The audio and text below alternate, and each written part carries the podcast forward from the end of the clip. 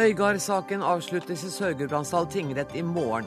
Hvilke avveininger og dilemmaer må avklares før domsavsigelse? Beredskapsøvelsen Tyr er overstått, kan vi føle oss tryggere nå? Justisministeren svarer i Dagsnytt 18. Arktis er ikke noe spesielt sammenlignet med andre hav, sier utenriksministeren. Kunnskapsløst og naivt, svarer Greenpeace, som mener dette er taktikk for å bore etter olje i isområder.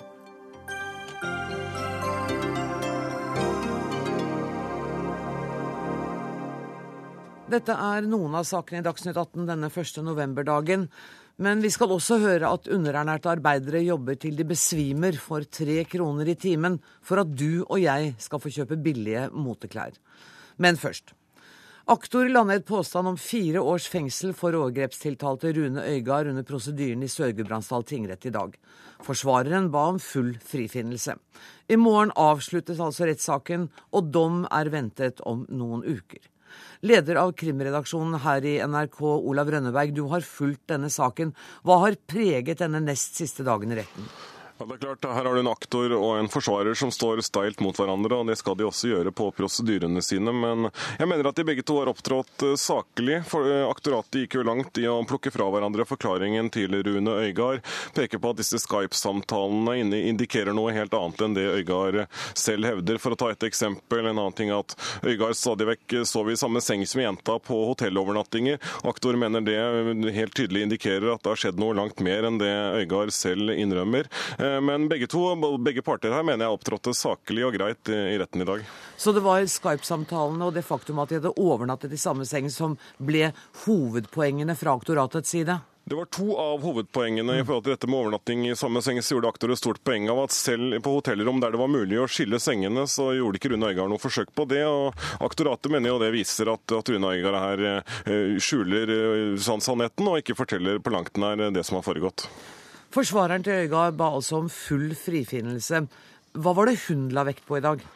Hennes viktigste oppgave i dag var jo å slå sprekker i jentas forklaring. Hun fremførte et titalls punkter fra jentas forklaring. Jeg skal ikke gå inn på alle her, men eh, hun mener jo at jenta ikke er troverdig, at det er mulig å så en betydelig tvil om jentas forklaring, og at Øygard da må frifinnes. Vi vet jo at eh, det i straffeloven er et krav om eh, at det skal bevises utover enhver rimelig tvil at man er skyldig dersom man skal dømmes. Så, sånn sett er det jo Mette Ivan Larsens oppgave som forsvarer å, bevise tvil her. I morgen blir saken avsluttet, eh, hvis man da holder den planen som eh, nå er satt. Hva er det som gjenstår nå? I morgen skal eh, den fornærmede jentas bistandsadvokat prosedere på kravene om erstatning og oppreisning dersom Rune Øygard blir funnet eh, skyldig. I tillegg så er det noen formalia som replikk og duplikk fra forsvarer og aktorat. Men så er det jo slik ifølge loven at både den fornærmede jenta og tiltalte Rune Øygard har lov til å komme med en sluttkommentar eh, helt på tampen av rettssaken dersom de ønsker det. Vi vet ennå ikke sikkert om de vil det, men det får de anledning til i morgen når saken avsluttes. Tusen takk for at du var med i Dagsnytt 18, Olav Rønneberg. Advokat og partner hos advokatfirmaet Hjort Erling O. Lyngtveit. Det må jo være noen dilemmaer retten står overfor etter å ha hørt prosedyrene og avsluttet saken? Klart er det. Eh, det som er kanskje den største utfordringen med denne type saker, det er det at man har ikke det som folk flest oppfatter som håndfaste og klare bevis. Eh, norske domstoler er, eh, har betydelig erfaring med å vurdere saker hvor påstand står mot påstand. Eh, noen kan kanskje falle for tanken på at domstolen da skal utøve en form for gjettverk. Det skal de ikke. Som journalisten, NRK-journalist også nettopp ga uttrykk for, så skal en domstol for å kunne domfelle være tilstrekkelig overbevist. Vi pleier å si det sånn at man egentlig skal føle seg trygg og sikker før noen kan dømmes. Skal man, Er man i en situasjon hvor man liksom føler det at dommeren må gjette, ja, da er det bare et utfall av dette, og da er det frifinnelse. Er dette en spesiell sak i så henseende, eller er dette et vanlig problem i saker som handler om overgrep, voldtekter, seksuell atferd? Det er i grunnen en eh, svært vanlig problemstilling. Domstolen er vant med det, og eh, den voksne dommer vil eh, også være oppmerksom på det at dette er en type saker hvor man rent generelt kan si at faren for justismord, faren for å gripe feil, er større enn i noen andre sakstyper. Men vet vi noe om det? Er det flere justismord i denne type saker? Vi kan i alle fall se på hva som etter hvert kom frem eh, i tilknytning til en rekke domfellelser for seksuelle overgrep i begynnelsen av 1990-årene. Et stort antall saker blir gjenåpnet av eh, gjenopptakelseskommisjonen, og før det også av ordinære domstoler, før gjenopptakelseskommisjonen trådte i kraft. Eh, og det gjaldt, En stor del av disse sakene gjaldt nettopp sedelighetssaker. Så det er ingen tvil om det at uh, man er i et ganske risikobefengt felt som fordrer hadde nær sagt, klare hjerter mm. og et koldt hode. Mm. Men du har også sagt i dag at dommere står i større fare for å få sympatier og antipatier i saker som gjelder seksuelle overgrep. Um, det bør jo da ikke komme til uttrykk i dommen? Nei, det er helt riktig. Og ø, de fleste dommere prøver å være seg det bevisst. Men det er en utfordring å ikke la seg påvirke av det mer ubevisst, for å si det slik. For det at når man har en sak hvor det er såpass mye emosjoner involvert, eh, man synes synd på eller har sympati, så vil dette bevisst, eller kanskje enda farligere ubevisst, komme til å kunne farge både dommerens erindringsbilde av hva som har skjedd under en langvarig hovedforhandling, og også den samlede vurdering. Det er en risiko for det, men domstolen er veldig erfarne og trente med dette. I dag så kritiserte aktor eh, han kritiserte Mette Yvonne Larsen for å ha tatt opp ting som ikke var relevante for saken i retten. Eh, kan det være slik at selv om aktor mener at det er irrelevant, så kan det ha nytte for retten? Ja, og la meg nå si det slik om at aktor mener at det ikke er relevant. Det betyr ikke det at det er irrelevant. Det er et utsagn fra en partsrepresentant. Så jeg tror man skal ha litt, eh, i alle fall sett utenfra, litt respekt for at uh, forsvareren kan se annerledes på det. Og uansett så vil de tingene som fremføres gjennom vitneforklaringer og andre bevis, utgjøre en del eh, elementer i det totale informasjonstilfang som retten skal legge til grunn. Og eh, det er jo slik at vi har fri bevisbedømmelse i Norge, og det innebærer at alt som har kommet frem i retten, og måten det har fremkommet på, vil kunne være med å påvirke dommeren, slik at dommeren, når det hele er over, skal gjøre seg opp en vurdering, en oppfatning av er jeg nå trygg på at det er riktig slik påtalemyndigheten, som aktoratet sier? Er jeg, er jeg sikker? Eller risikerer jeg å gjøre en mann urett? Sitter den nagende lille tvilen tilbake, så plikter dommeren å si nei, her må det frifinnelse til. Du sier at eh, alle som vitner i retten, alt skal tas inn og høres og behandles av dommerne. Men allikevel må det jo være noen vitner som er viktigere enn andre. Hvilke type vitner, bortsett fra de to partene, er det som er viktige i denne type saker? I denne type saker vil vitner som har noe å fortelle, fra tiden da de påklagede handlinger skal ha skjedd, være særlig viktige. Mm. Hvis typisk en fornærmet har betrodd seg til noen den gang, eh, at noen den gang da det skal ha skjedd, har registrert ting, husker ting som kanskje vedkommende har stusset på, og som nå fremtrer eh, i den store sammenheng kanskje som mer forklarlige. Det kan også selvfølgelig være, hvis man har mer konkrete indikasjoner på noe. Eh, brev som er sendt den gangen. Eh, dagboknotater, SMS-meldinger, slike ting. Det vil være langt mer eh, vesentlige som beviselementer enn det en fornærmet eller en tiltalt måtte ha sagt etter at det blir straffesak. Politisk redaktør i avisa Gudbrandsdølen Dagningen, Halvard Grotli. Du har også fulgt denne saken tett. Hvordan vurderer du den strategien som forsvarer Mette Yvonne Larsen la opp til i dag? Jeg er enig med det eh, Rønneberg sa i stad, og at hun har gjort eh, den jobben i dag som en forsvarer skal gjøre. Hun har boret på punkt etter punkt for å skape tvil. Eh, hun påstår ikke med egne konklusjoner, men hun reiser problemstillinger og lar tvilen henge i lufta på punkt etter punkt. Denne saken er jo for uh, Vågå uh, og for det politiske liv noe mer enn en straffesak. Hvordan har det påvirket det politiske livet i Vågå? Det har påvirket i den forstand at i ett år så har det vært unntakstilstand. Svært få har ønsket å si noe. Vi må huske på at Rune Øygard har hatt en enestående posisjon i bygda etter å ha vært ordfører i 16 år. Eh, han har på mange måter bygd opp Vågå Arbeiderparti til å bli sin egen bygdeliste. Eh, eh, atypisk fra vanlige Arbeiderpartilag. og Det kan jo være interessant å også prøve å forstå hvorfor har ikke parolene fra Jens Stoltenberg og Raymond Johansen slått igjennom oppe i Ottadalen. Og det er jo nettopp fordi at der har lojaliteten vært større til Rune Øygard enn til Arbeiderpartiet sentralt uavhengig av utfallet av denne saken, eh, og la oss si at det blir en full frifinnelse, kan Øygard fortsatt ha et politisk liv? Det kan jeg ikke forstå i det hele tatt. Eh, han er eh, politisk ferdig i Arbeiderpartiet. Vi så jo nå tross alt at også kommunepartiet Vågå Arbeiderparti har henstilt til Rune Øygard om å tre til side. Og jeg regner med at her kommer det politiske liv i Vågå til å ta tak for å forberede hans avgang, enten han vil eller ikke. Mm. For foreløpig har han ikke etterkommet den henstillingen? Det er korrekt. Eh, hva kommer kommunestyret i Vågå til å gjøre nå? Det de først kan gjøre. Eh, det er antatt at det vil bli et ekstraordinært kommunestyremøte nå før jul. Da kan de f.eks. Eh, ta fra han ordførerlønna. Eh, og på et eller annet tidspunkt så er det å håpe på at han selv tar et initiativ for å tre tilbake. Det vil jo også være mest ryddig for ham selv. Mm.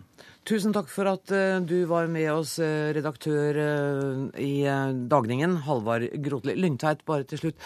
Um, dette er i hvert fall mildt sagt ikke noen opplagt sak. ville du nå tørre å si noe om utfallet? Det ville være temmelig uansvarlig. Skulle man kunne mene noe, så måtte han ha fulgt hele forhandlingen, fått med seg absolutt alt. Og selv da ville det sannsynligvis vært vanskelig? Eh, hvis det var vanskelig, så skal dette ende med frifinnelse. Er det ikke vanskelig, så blir han dømt. Tusen takk for at du var med i Dagsnytt 18, Erling O. Lyngtveit, advokat.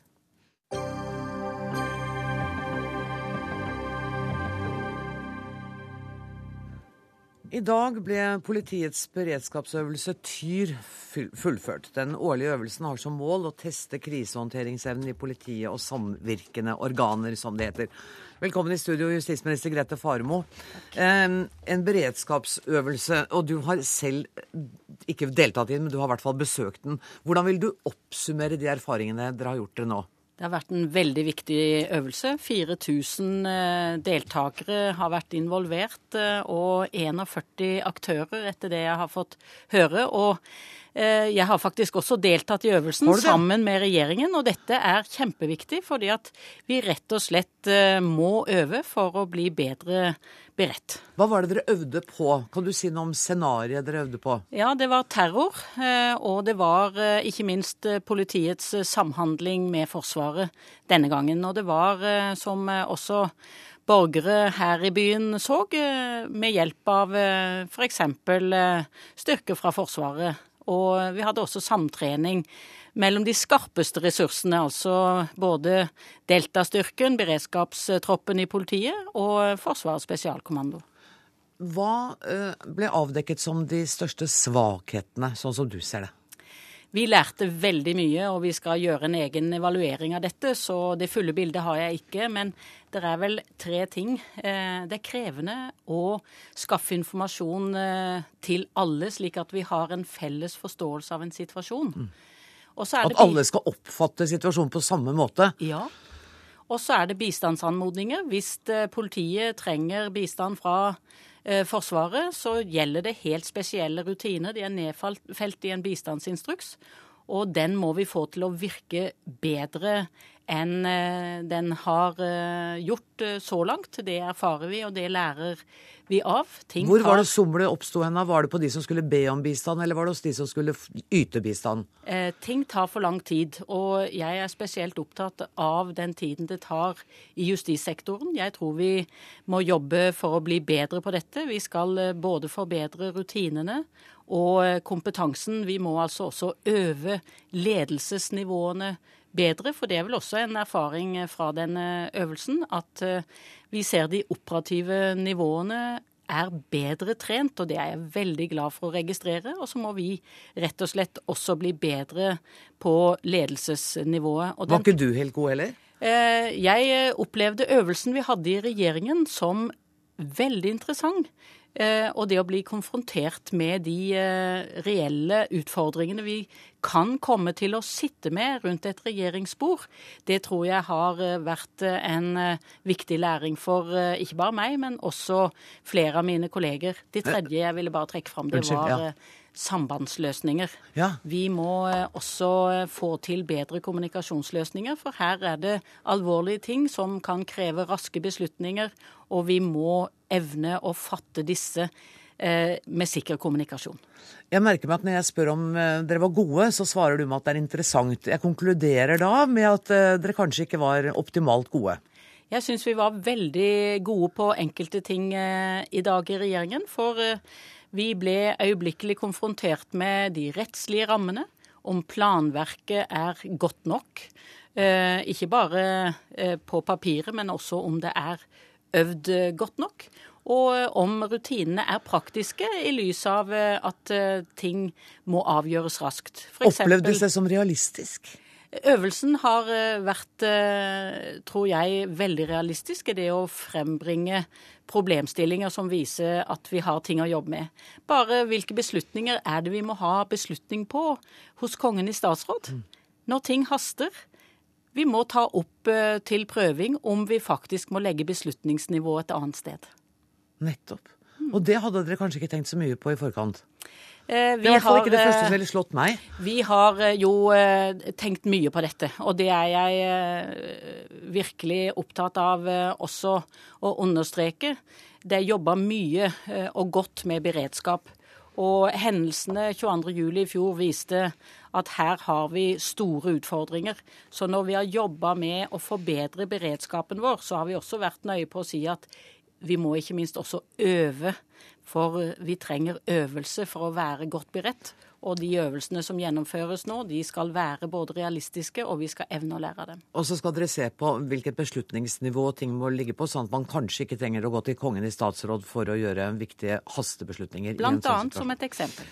Anders Werp, du sitter i justiskomiteen for Stortinget på Høyre. Jeg åpnet denne sendinga med å si at nå er øvelsen over, og stilte spørsmålet kan vi føle oss tryggere nå. Kan vi det?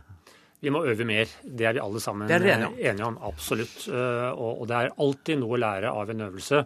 Og jeg er glad for det justisministeren understreker, nettopp læringselementene i dette. Fordi det var en øvelse i 2006 som het Øvelse Oslo, som 22.07-kommisjonen eh, understreker at der var det også mange læringsmomenter for regjering og politi og andre som ikke ble fulgt opp.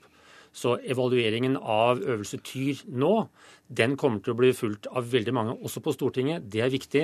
Eh, det er ikke minst av stor betydning for samfunnssikkerheten at vi følger opp det som vi må lære. Men, men uh, følge opp læringen, det er noe så, men det må vel følges opp med noe økonomi her også? Ja, det må det absolutt. Og 22. juli-kommisjonen viser jo at det er mange beredskapshull som må fylles bedre enn det vi har hatt tidligere. Og etter Høyres mening så er ikke de hullene på langt nær fylt eh, med, med dette budsjettet vi nå har til behandling i, i, Stortinget i høst. Men er det realistisk å få fylt alle? Jeg leste en artikkel av tidligere forsvarssjef eh, Sverre Disen som hadde gjort noen anslag på hvis beredskapen til enhver tid i Norge skulle være slik som eh, 22. juli-kommisjonen krevde så snakket vi om et årlig forbruk på 250 millioner kroner i tillegg til det vi bruker. Ja. Det er, det, jeg tror nok Disen har, det er en realistisk vurdering eh, fra han. Det vi har sett de siste årene, er jo at eh, politiet har måttet bruke ca. 250 millioner kroner av sine driftsmidler til sentrale IKT-investeringer. Som jo ikke etter Høyres mening skulle belastes politidistriktene i det hele tatt. Det er klart det svekker beredskapen, fordi det går utover politiets mulighet til å kjøpe nytt utstyr. Det går på bekostning av den lokale kapasiteten de har til å drive lokale øvelser og det går på bekostning av stillinger i, i politiet. Så, så, det er mange ting å, å, ta tak i her, og det kommer selvfølgelig vi til å følge opp, følge opp, i vårt alternative budsjett fra Høyres side. Og vi kommer også til å legge stor vekt på det som uh, også var et øvingselement i, i, i, øvelsen de siste dagene, nettopp samhandlingen mellom politi og forsvar. Mm, og Den vi, skjønner jeg de har grepet fatt i her. Den, har, den eh, er denne øvelsen viktig element med, men vi må også synliggjøre det mye tydeligere. Eh, både i budsjetter og i instrukser, slik vi har sett de siste dagene. Men, men statsråd, jeg har lyst til å gå tilbake til dette med beredskap, den høynede beredskapen som jo 22.07-kommisjonen sier at vi trenger. Men må, er det realistisk virkelig å få den opp på et sånt nivå som det er antydet der? Eh, jeg eh, skal legge fram en melding sammen med resten av regjeringen neste år om eh, hvordan vi følger opp Gjørv-kommisjonens anbefalinger og også andre eh, forslag som eh, bl.a. Stortingets spesielle komité har lagt fram. Og jeg er opptatt av at vi for det første må bli bedre med de ressursene vi har. Og så må vi også identifisere og eventuelt komme opp med forslag til både nye tiltak og dermed økte bevilgninger. Men eh, som Gjørv-kommisjonen påpeker, eh, det handler veldig mye om eh, ressurser som ikke fant hverandre 22.07. i fjor. Og det er jo nettopp der eh, det kommer inn at vi må øve, vi må forberede oss eh, bedre, og dermed også lære eh, mer av de øvelser og hendelser Eh, som eh, vi men, men, men, det krever jo også har. mer penger, statsråd? Ja, det kan også gjøre det. 250 millioner kroner i året? Ja, altså Det som er viktig, det er at denne sektoren har mer enn 30 milliarder kroner til rådighet. Det er inn på 13 milliarder av de som går til politi- og lensmannsetaten. Og de pengene skal vi bruke best mulig også når det gjelder beredskap, men vi skal være gode på forebygging og vi skal være gode på straffesaksbehandlingen. Så vi må sikre at vi har gode løsninger både i den skarpe enden, beredskapen, mm. og på det forebyggende. Men, men, tror du at vi kommer til å få en beredskap i Norge som gjør at vi får en utrykningstid som er forsvarlig i alle politidistrikter i Norge? Altså under en halv time, er det vel? Ja, Vi skal drøfte responstid. For det første. Det er det det heter, ja. Ja, ja Hva mener vi med responstid? Ja. Fordi at eh, jeg tror folk er opptatt av at vi skal forebygge kriminalitet. Hvis jeg bruker bilde på eh, en brannstasjon Jeg tror ikke vi ser eh, for oss at politiet skal sitte inne på sin politistasjon og rykke ut om noe skjer. Vi vil at de skal være der ute blant oss i skoler, i ungdomsmiljøer. De skal forebygge f.eks. For trafikkulykker. Politiet har et sett av oppgaver som vi må evne å løse godt, men vi må vite også at vi kan være trygge på at politiet er der når vi trenger dem. Så responstid er et viktig poeng. Høres ut som du og statsråden er ganske enige, Verp, om mange ting her? Ja, Høyre og Arbeiderpartiet er enige om at vi skal styrke beredskapen. Det, det er vi absolutt. Eh, men det blir altså ikke styrket beredskap av at politidekningen går ned. Altså at antall polititjenestemenn og -kvinner per 1000 innbygger går ned. Det har det gjort i Norge de siste årene. Det blir det ikke bedre beredskap av. Og det er ikke statsråden sagt at hun ønsker antall politistillinger for på den måten også ha med oss det når vi skal styrke beredskap. Mm. Og så kommer det en melding neste år, og da kan det hende at vi møtes i dette studioet igjen og ser om vi da kan føle oss tryggere når den er gjennomført. Tusen takk for at dere kom i studio, justisminister Grete Farmo og Anders Werp fra Høyre.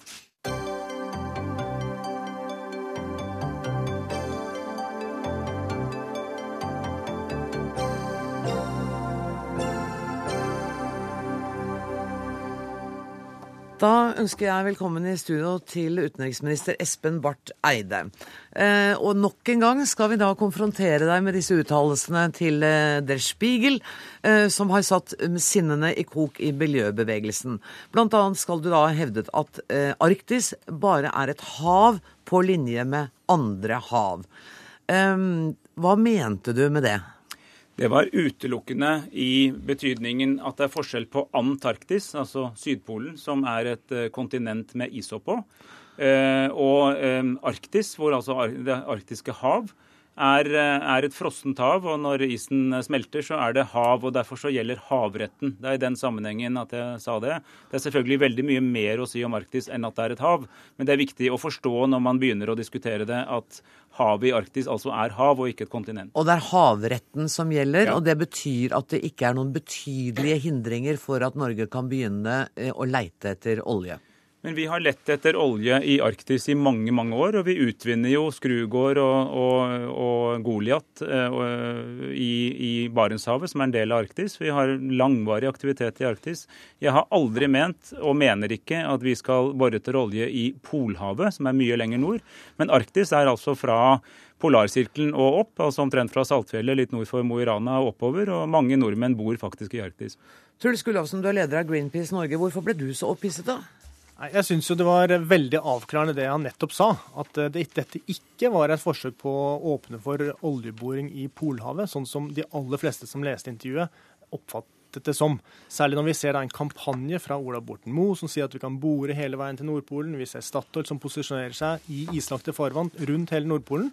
Å høre da Espen Barth Eide si at Arktis er bare et hav så vi kan kjøre på, det var sjokkerende og veldig trist, og vi måtte si stopp, hallo, kan dette stemme? Men, og så har, dere sitt, sittet her ute før dere kom i studio og blitt egentlig ganske enige på veien, er det sånn? Vi, vi klarte ikke å la være å forsøke å liksom avklare et par ting. For det, vi er, det vi er enige om, er jo at det ikke går an å bore sikkert i islagte farvann. Det har vært norsk politikk lenge, og det bør man ikke gjøre. Men Der er jeg helt enig med Greenpeace. Hun har aldri sagt noe annet. Det er jo, I, den grad det har vært noen kampanje, så har jo Greenpeace nå gjengitt meg på egne blogger og sånt som jeg skal ha snakket om Polhavet. Ja. Men jeg snakker da vitterlig om Arktis, og jeg tok for ordens skyld med kart eh, over hvor Arktis går. Og for Norges del er det altså en god del av Norge som er med i Arktis, uansett hvilken av de tre definisjonene man bruker. Og sånn sett så er det aktivitet i Arktis. Olje, gass, fisk, eh, shipping. Det vi har vært opptatt av i mange år, er jo å få klare internasjonale kjøreregler nettopp for at vi skal alle oppføre oss ansvarlig opp i Arktis, hvor det er krevende områder, hvor vi må ha internasjonale avtaler, hvor vi må styrke Arktis råd, hvor vi må sørge for oljevernberedskap, og vi må også legge bånd på oss når vi kommer opp mot isen. Men det er altså ikke slik at i det norske Arktis at det er mye is. De fleste som bor i Finnmark f.eks. vet at det ikke er is rett utenfor der. Ja, nå har jo Norge da krevd lander, eller altså havbunnsrettigheter til langt nord for Svalbard, og det er langt inn i Polhavet. Og det er veldig betryggende å høre at du ikke har noen som helst planer om å åpne for oljeboring i de områdene som Norge nå har krevd rett til. Samtidig så er det skremmende å se at da statens oljeselskap Statoil posisjonerer seg i alle disse delene av islagt Arktis på andre lands sokler. Så det, det, det, Fra utsiden så ser det ut som det er en aggressiv norsk drive mot å utnytte disse veldig veldig sårbare ressursene i disse sårbare områdene enten ved hjelp av sine egne politikere, som kjører, eh, er kanskje litt upresise i utenlandske medier, eller ved hjelp av statens oljeselskap. Så det er veldig betryggende, og jeg da ønsker meg at Norge fortsetter å bruke den rollen Esten Barth fortsetter å bruke den rollen til å presisere at selv om man da har rettigheter i Arktis, Norge er en veldig viktig spiller, så vil vi bruke de rettighetene for å roe ned oljeracet istedenfor å speede det opp. Det er jo definitivt ikke sånn at fordi man har rett til et område, så skal man utvinne olje. Eh, man skal jo også drive forsvarlig forvaltning, og derfor har vi forvaltningsplaner som er blitt vedtatt i Stortinget. og Den siste ble altså vedtatt i 2006, oppdatert i 2011. Eh, og den har jo åpnet for en del boring i Barentshavet sør, som er en del av Arktis. Men ikke islagte områder? Men definitivt ikke islagte områder. Og så jobber vi da i en rekke internasjonale fora med å få eh, mer forsvarlig forvaltning av disse områdene. Når det gjelder hva Statoil gjør, så bør jo Gullofsen kanskje snakke med Statoil om det. Det vi gjør, er jo å snakke med de andre landene i Arktis, slik at vi får en mer felles forståelse av utfordringene her oppe. Men, men det, det, som Gullofsen antydet, er jo at uh, din regjeringskollega Ola Borten Moe kanskje har en, et noe annet syn på uh, hvor mye det haster å få kommet i gang. Er det en, i hvert fall en nyanse av en uenighet mellom deg og din kollega? Regjeringen har det syn som fremgår av de forvaltningsplanene som er vedtatt. Eh, og de mener jeg er både riktige og forsvarlige. Det er riktig å utnytte de ressursene vi har rett til der det er forsvarlig. Det er en veldig viktig del av det vi lever av i Norge. Vi, vi, lever i stor grad av olje- og gassvirksomhet. Og så er det veldig viktig å være forsvarlig og økologisk bevisst i forhold til hvor vi borer etter olje. Og det oppsummerer vi i forvaltningsplanen. Det er ingen enkeltstatsråder som sitter og vedtar dette hver for seg. Nei, men Når dere snakker sammen, kommer det da litt andre holdninger fra Ola Borten Moe enn de du gir uttrykk for altså, nå? Også Ola Borten Moe har jo blitt gjengitt som om han ville bore til Nordpolen. Har jo vært veldig tydelig etterpå at han ikke har sagt at vi skal bore på Nordpolen. Gullafsen, du må da være bare stormende fornøyd med at du først får sitte med utenriksministeren i sofaen her ute, og så få en såpass stor enighet i studio?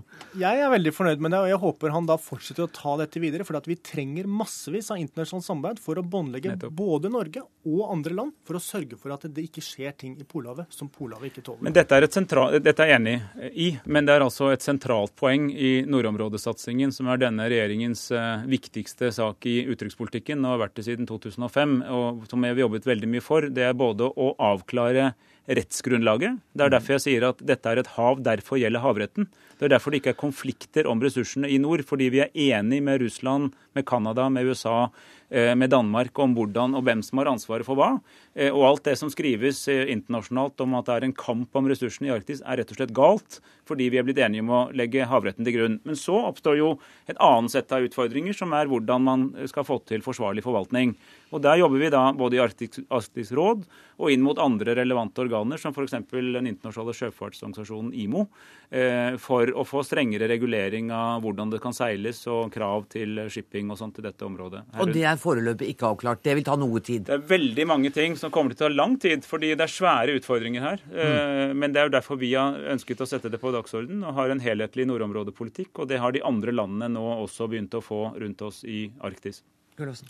Det er veldig godt å høre. Og det som er fortvilende med de prosessene, er at de går så forferdelig sakte og virker å være forferdelig lite ambisiøse sammenlignet med den voldsomme racet for å ta disse ressursene. Jeg er enig i at rettighetsgrunnlaget er avklart. Mm. Det er veldig bra. Kampen om Arktis er ikke om rettigheten til forskjellige typer ressurser. Kampen er mellom de som vil utnytte ressursene, og de som vil være mer forsiktige.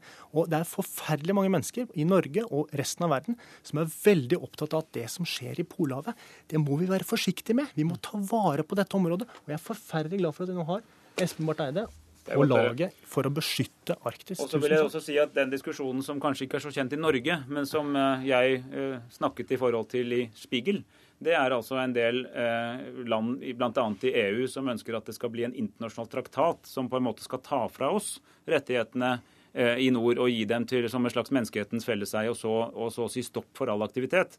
Eh, det er et aktivt arbeid vi fører sammen med de andre arktiske statene. at Det ønsker vi ikke. Mm. Derfor sier vi havretten gjelder. Men det er ikke det samme som å si at det du har rett til, betyr at du kan få lov å bore så mye du vil, eh, hvor langt nord du vil. Nei. Og så kan jo EU-landene og de andre si at her bør Alle ser, som følger med på Polhavet og Arktis, at her er det et stort vakuum. Det mangler masse ting. Når isen forsvinner, så mangler det masse regler. Og hvem som skal sette plass de reglene, det samme for meg hvem det er, bare det er noen som setter på plass gode regler som sørger for at vi ikke overbelaster dette området. fordi at det er nå under et enormt press når isen forsvinner. Ja, og blir det oljeselskapene, så har vi problem. Og, på, og der er det ja, ikke sant? Det var en litt overraskende, men ganske rørende enighet mellom dere to i dag. Vi har vært enige hele tiden. Det er altså andre som påstår noe annet. Tusen takk for at dere kom i studio, utenriksminister Espen Barth Eide og Truls Gullofsen fra Greenpeace.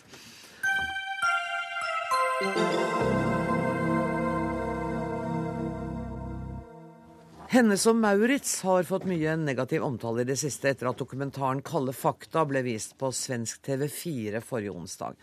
Der avsløres det forferdelige arbeidsforhold for fabrikkarbeiderne i Kambodsja, mens HM, som eies av en av verdens rikeste eierfamilier, gikk med et overskudd på 2300 millioner dollar i fjor.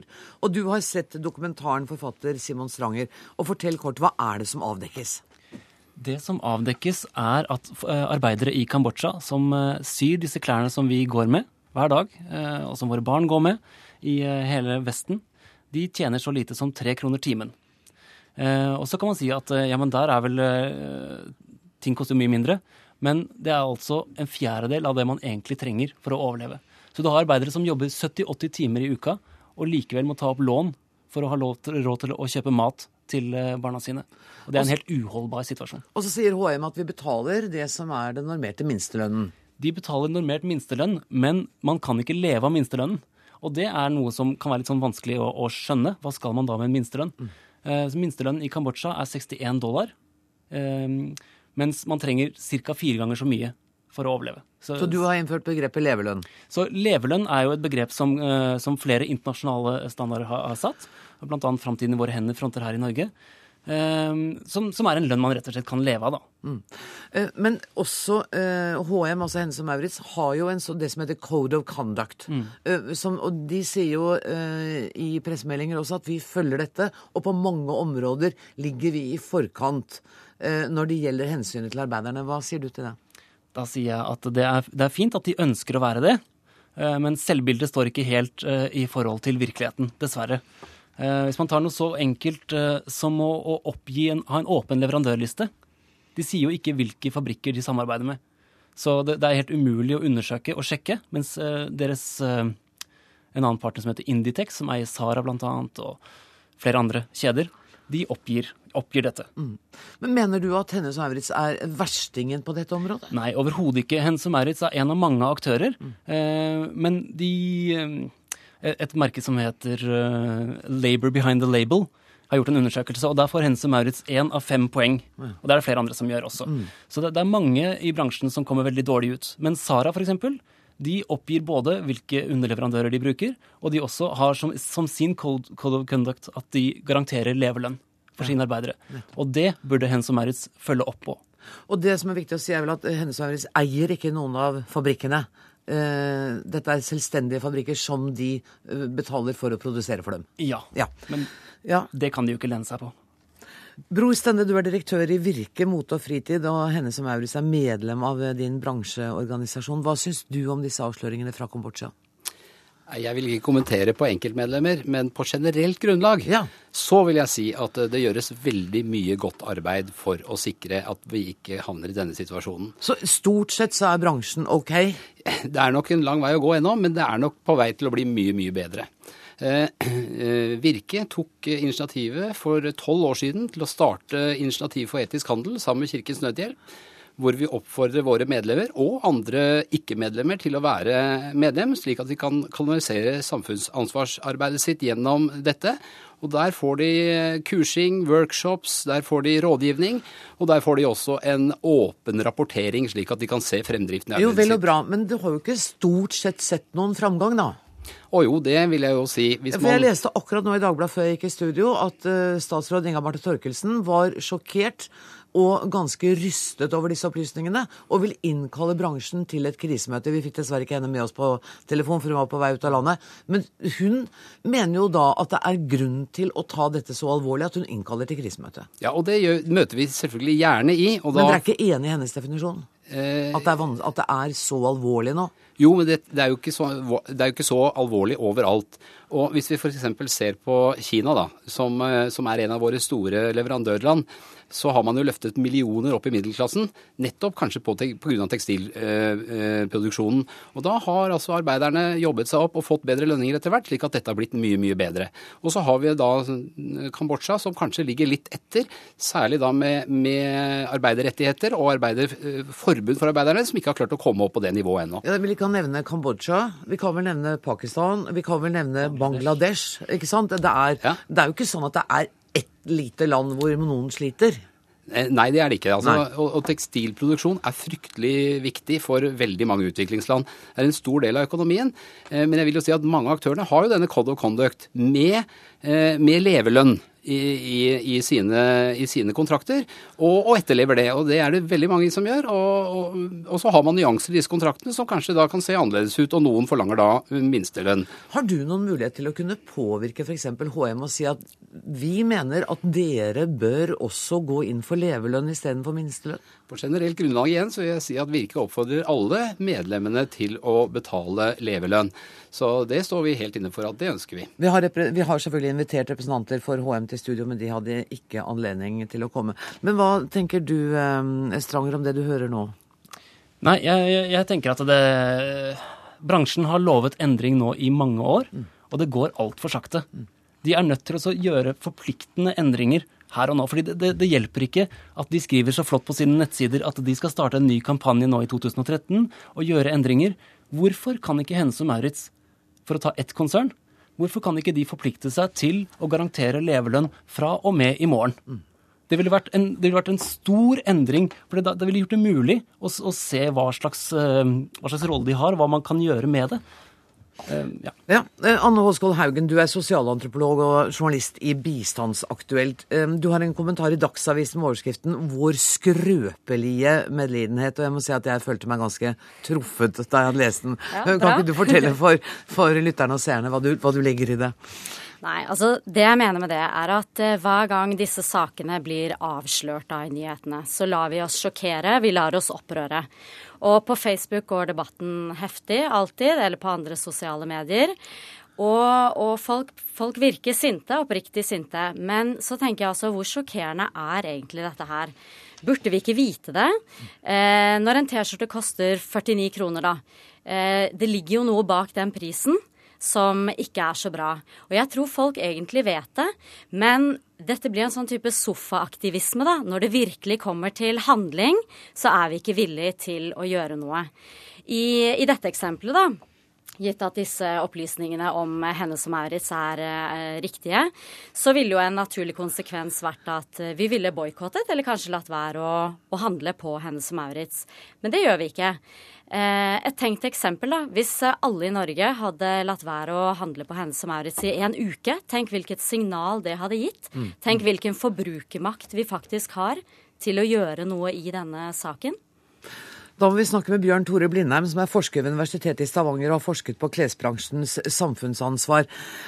Er det bransjen, eller er det mitt ansvar som forbruker å få stopp på dette her? Dette er først og fremst bransjens ansvar. Eh, tanken om forbrukermakt den, den er hyggelig, den. Men, men samtidig så syns jeg at det er ganske meningsløst å legge ansvaret for, for dårlige arbeidsforhold og eh, elendige lønninger over på, på forbrukerne. Eh, ta, ta, klær som et eksempel. Altså det, det, er jo et helt lite forskningsprosjekt å, å, finne ut hvor og hvordan klær er produsert. Eh, dette er derimot noe som, som bedriftene vet, i alle fall til en viss grad. Eh, så har de en oversikt, og, og, sånn sett så er de i en helt annen posisjon til å påvirke. Ja, men, men, når du sier dette er en helt liten vitenskap som, som, bransjen kan og produksjonen vet, men de gjør jo ingenting med det? Nei, sant. Det, det, er jo det som er problemet. Altså, Noe av problematikken her det er jo det at på den ene siden så er det sånn at eh, bransjen og disse selskapene innrømmer mer og mer at de har et ansvar i forhold til problematikken. Og siden begynnelsen av 1990-tallet så har flere og flere gjort en del ting, ofte under overskriften samfunnsansvar. Mm. Uh, men så har du på den andre siden da en forretningspraksis som, som går i retning av, av, eh, det å skape størst mulig profitt for sine aksjonærer, og en innkjøpspraksis som er opptatt av at man skal få produktene billigst mulig. Mm. Og, og, og, det betyr det at det samfunnsansvaret man sier man utøver, det, det frikobles helt fra en forretningspraksis som, som egentlig skaper problemene. Jeg har lyst til å la Anne Håskal Haugen få svare først på dette med forbrukeransvaret. For der var professoren uenig med deg. Ja, altså Forbrukermakt er koselig, det. Altså, jeg tror jo, Selvfølgelig, jeg er jo ikke uenig, det er jo bransjen som har ansvaret. Men det er jo i en ideell verden. De tar jo ikke ansvaret. Og når de ikke tar ansvaret, så må det jo være forbrukerne som viser eh, at de faktisk kanskje er villige da, til å betale mer, eller at de bryr seg om hvor produktene lages og under, vil, uh, under hvilke vilkår de blir produsert. Eh, man, må jo, eh, man må jo vise et engasjement på begge sider, tenker jeg. Men, men, er det sånn at det er bare lavpriskjedene som forgår seg i dette? Det kan jo hende at det er de dyre klærne også, det vet jeg ingenting om. Men hva, hva tror dere? Det er det. det er, ja, det er alle... Et merke som Burberry på denne samme undersøkelsen, de fikk to av fem. Nettopp. Så bitte litt bedre, men det er, det er, sluttprisen har ikke noe egentlig å si. Nei, nettopp. Så det hjelper ikke at vi sier at nå slutter vi å kjøpe billigklær, da betaler vi litt mer. Nei, du har ingen garantier. Nei. Men Hennes og Maurits sier jo at det er flere grunner til at våre klær er billigere. Blant mm. annet fordi at vi har en logistikk. Vi har så stort kvantum, vi bestiller så store mm. mengder at det driver prisene ned. Mm. Og det er jo et godt argument. Det er et veldig godt argument, og i tillegg så underbetaler de arbeiderne. Og det er jo en kjempefordel å betale en fjerdedel av prisen. Um, du skrev et brev til eh, ledelsen her, du? Jeg skrev et brev til Karl Johan Persson, som er direktør for Hennes og Maurits-konsernet, og til min store overraskelse så fikk jeg faktisk et langt svar. Ehm, hvor de forsøker å redegjøre for sitt syn på saken. Og, og jeg syns det er veldig prisverdig at de har en code of conduct. Uh, og jeg vil utfordre Hennes og merits nå på Jeg tenker at nå er tiden moden. Jeg tror vi er mange forbrukere som ønsker, og som, som faktisk er i en økonomisk situasjon, hvor vi har mulighet til å ikke bare kjøpe ting fordi vi trenger det, eller fordi vi ser fine ut i de, men også har lyst til å kjøpe ting med en god følelse. Og kunne gå ut av butikken uten å ha en følelse av å bidra til slavehandel. Mm. Der er vi mange forbrukere nå som, som har kommet dit at vi ønsker å, å, å kunne bidra. Og ja, nå, nå siste året siste, ja, siste året så er det 2400 mennesker som har besvimt ved fabrikkanlegg i Kambodsja. Fordi de er overarbeidet og underernært. Og det, så det er helt uholdbart. Og vi har lest rapporter, snakke her og nå. og vi har lest rapporter om stengte nødutganger fordi man var redd for at arbeiderne skulle ta seg ulegitimerte pauser. Ja, det er i Bangladesh. Det har vært flere branner siste året. Så, det, så, dette skjer her og nå og må endres her og nå. Det hjelper ikke, når du er sulten, så hjelper det ikke med mat i 2013, for å si det sånn. Bror Stende, hva tenker du om uh jeg tror jeg trygt kan snakke på vegne av hele bransjen og si at uh, vi har det samme målet. Vi ønsker at arbeiderne skal få det bedre. De skal ha uh, levelønn, og de skal ha gode arbeidsvilkår. Mm. Uh, men når det kommer til å, å drive boikott, så tror jeg kanskje man heller at man kan risikere å ramme feil. Jeg tror det er en dårlig vei å gå. jeg tror det er bedre å drive påvirkningsarbeid og, og forlange overfor for de man kjøper av, at de har et samfunnsansvar. Ja, men Dere tok det initiativet for tolv år siden, og vi sitter her nå tolv år etterpå og snakker om at folk har tre kroner timen og besvimer av utmattelse. Hvor fort syns du dette går? Og så kan jeg fortelle deg om medlemmer som har både transparens på leverandørsiden akkurat, akkurat det er ikke det vi snakker om nå. Vi snakker om at det faktisk er en del leverandører som henger etter. Ja, at, at verden går fremover på noen punkt, er liksom ikke tema akkurat nå. Det er jeg enig med deg Norge er et lite land. Gjør, våre medlemmer gjør hva de kan for å få dette til. Mm. Eh, vi er en del av et stort konkurransesamfunn. Det er ikke bare å gå ut og be om å få betale ti kroner mer. Da er man kanskje utkonkurrert, rett og slett. Så, så, det er ikke så enkelt. Det tar tid å få dette på plass. Eh, man skal sikre at denne lønn, ekstralønnen eller ekstrabetalingen går i de rette lommene, bl.a. Eh, at ikke det forsvinner på noe, på, hos noen mellommenn her. At det kommer arbeiderne til gode. Så vi må ta tiden til hjelp. Det må utvikle seg langsomt, eh, slik som vi ser det.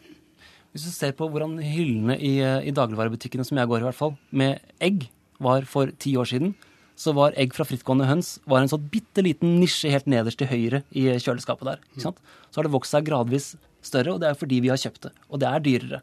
Det er fordi vi ønsker å kunne gå hjem og lage speilegg med god samvittighet. Men nå snakker jo du som om forbrukermakt har noe for seg og er noe mer enn noe koselig. Ja, jeg, så jeg tror det har noe for seg. Eh, men jeg mener ikke at det skal være forbrukernes ansvar de fleste av oss har jo nok med å få tilværelsen til å gå rundt, og det skal vi få lov til å ha. Eh, så dette her er et konsern som tjente 2300 millioner dollar mm. i overskudd, mener jeg, i fjor. Mm. Eh, og eieren, eh, største aksjonæren, som jeg tror er faren til Karl Johan Persson, tok ut 5 milliarder i utbytte i fjor. Da er det, det, det, er, det er rom for forbedringer, kan man si. Anna Oskar Hagen. Ja, nei, jeg må bare gi et forsvar for forbrukermakt. Altså, vi har jo et moralsk ansvar alle, selv om vi skal hente i barnehagen og kjøpe mat eh, etter jobb. Vi må jo vise hva vi mener. Mm. Det er jo det som er poenget her. Mm. Hva tenker du Bjørn Tore Blindheim, forbrukermakta er noe mer enn bare litt koselig tanke? Ja, nei, altså jeg tror fremdeles dessverre ikke det. Altså igjen, Jeg skulle gjerne ønske at, at det kunne være det. Men det dukket jo opp noen Facebook-aksjoner med en gang uh, denne, denne, dette dokumentarprogrammet kom. Og, og, de hadde vel rundt en 50 medlemmer, de to, de to aksjonene. Mm. Og så kan man håpe det blir mer. Men sant, dette er først og fremst et politisk ansvar, og så er det også selskapenes ansvar. Mm. Og det er det nødt til å bli tatt drastiske skritt for at man skal få løst. Du, eh, Anne Oskar Hagen, du, du, siterer, nå er jeg ikke helt presis, men du siterer i Dagsavisen i dag en filosof som mener at mennesker som fortsatt er sjokkert over andre menneskers grusomhet, de har ikke nådd modenhet. Ja, moralsk modenhet. Moral, ja. ja, og i det ligger jo nettopp det at du Man vet jo men man la, later som man lar seg sjokkere av sånne nyheter, selv om du innerst inne vet at det er sant. Simon Stranger, du skal få siste ord i denne samtalen. Ja, og der tror jeg at for meg, eh, som et Eh, så, så, tenker jeg at eh, Da jeg fikk vite at minstelønn, at man ikke kan overleve på minstelønn, så ble jeg faktisk oppriktig sjokkert. Så jeg tror det er eh... Ikke helt moralsk moden, altså? Nei, antagelig. Tusen takk for at du kom. Jeg vil be om at du, Anne Håskal Haugen, blir sittende, men ellers så sier jeg takk til Bror Stende, Bjørn Tore Blindheim og Simon Strang. Takk for meg.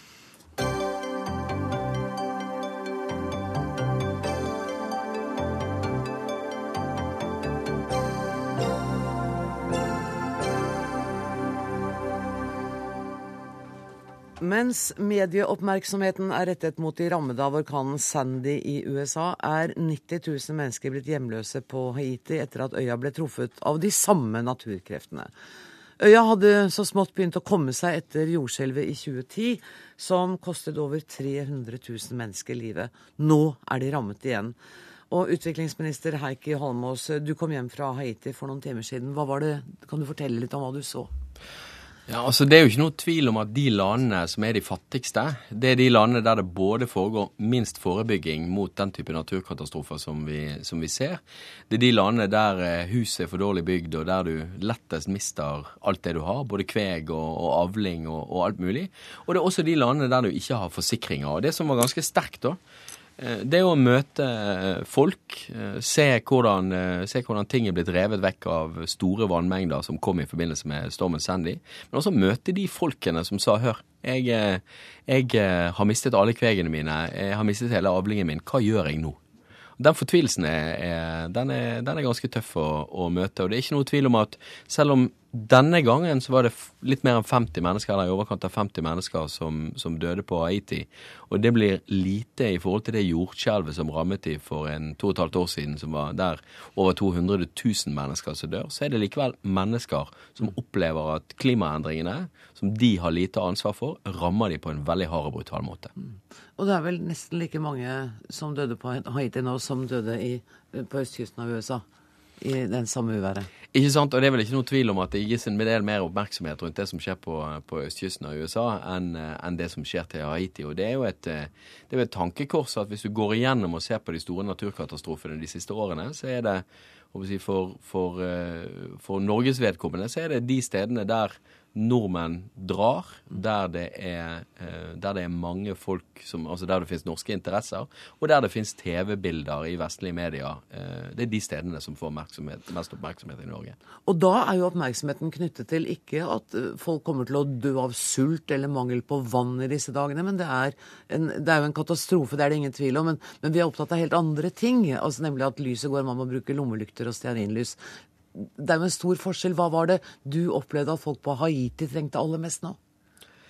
Det, det, du trenger, er jo de helt uh, basic uh, behovene som, som, ligger der. Men det er klart at den, denne, uh, den flommen som rammet Nå flammet jo særlig i de sørlige områdene. Det var sånn at vi måtte, Kronprinsen og meg som var der nede, måtte legge om hele programmet vårt. Fordi vi, vi kunne ikke komme til en del av de stedene som vi, vi var. Uh, og vi venter, på, uh, men vi venter på tilbakemeldinger fra Røde Kors og andre som sier at de skal gi en, en tilbakemelding om hvordan, hva slags behov som finnes, og hvordan vi skal kunne dekke de, og det, det, kommer vi til å vente på. Ja, Det var litt dumt av meg å spørre deg om hva behovene er, når jeg har Leni Stensen, som er utenlandssjef i Røde Kors her. Uh, statsråden sier at dere skal komme tilbake med en oversikt over hva de trenger. Vet dere ingenting om det nå?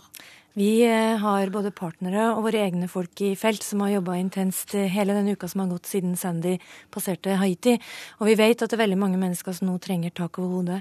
De trenger eh, akutt hjelp til å få nok mat. Ikke minst så trenger de rent vann. Vi ser nå en stigning i antall koleratilfeller.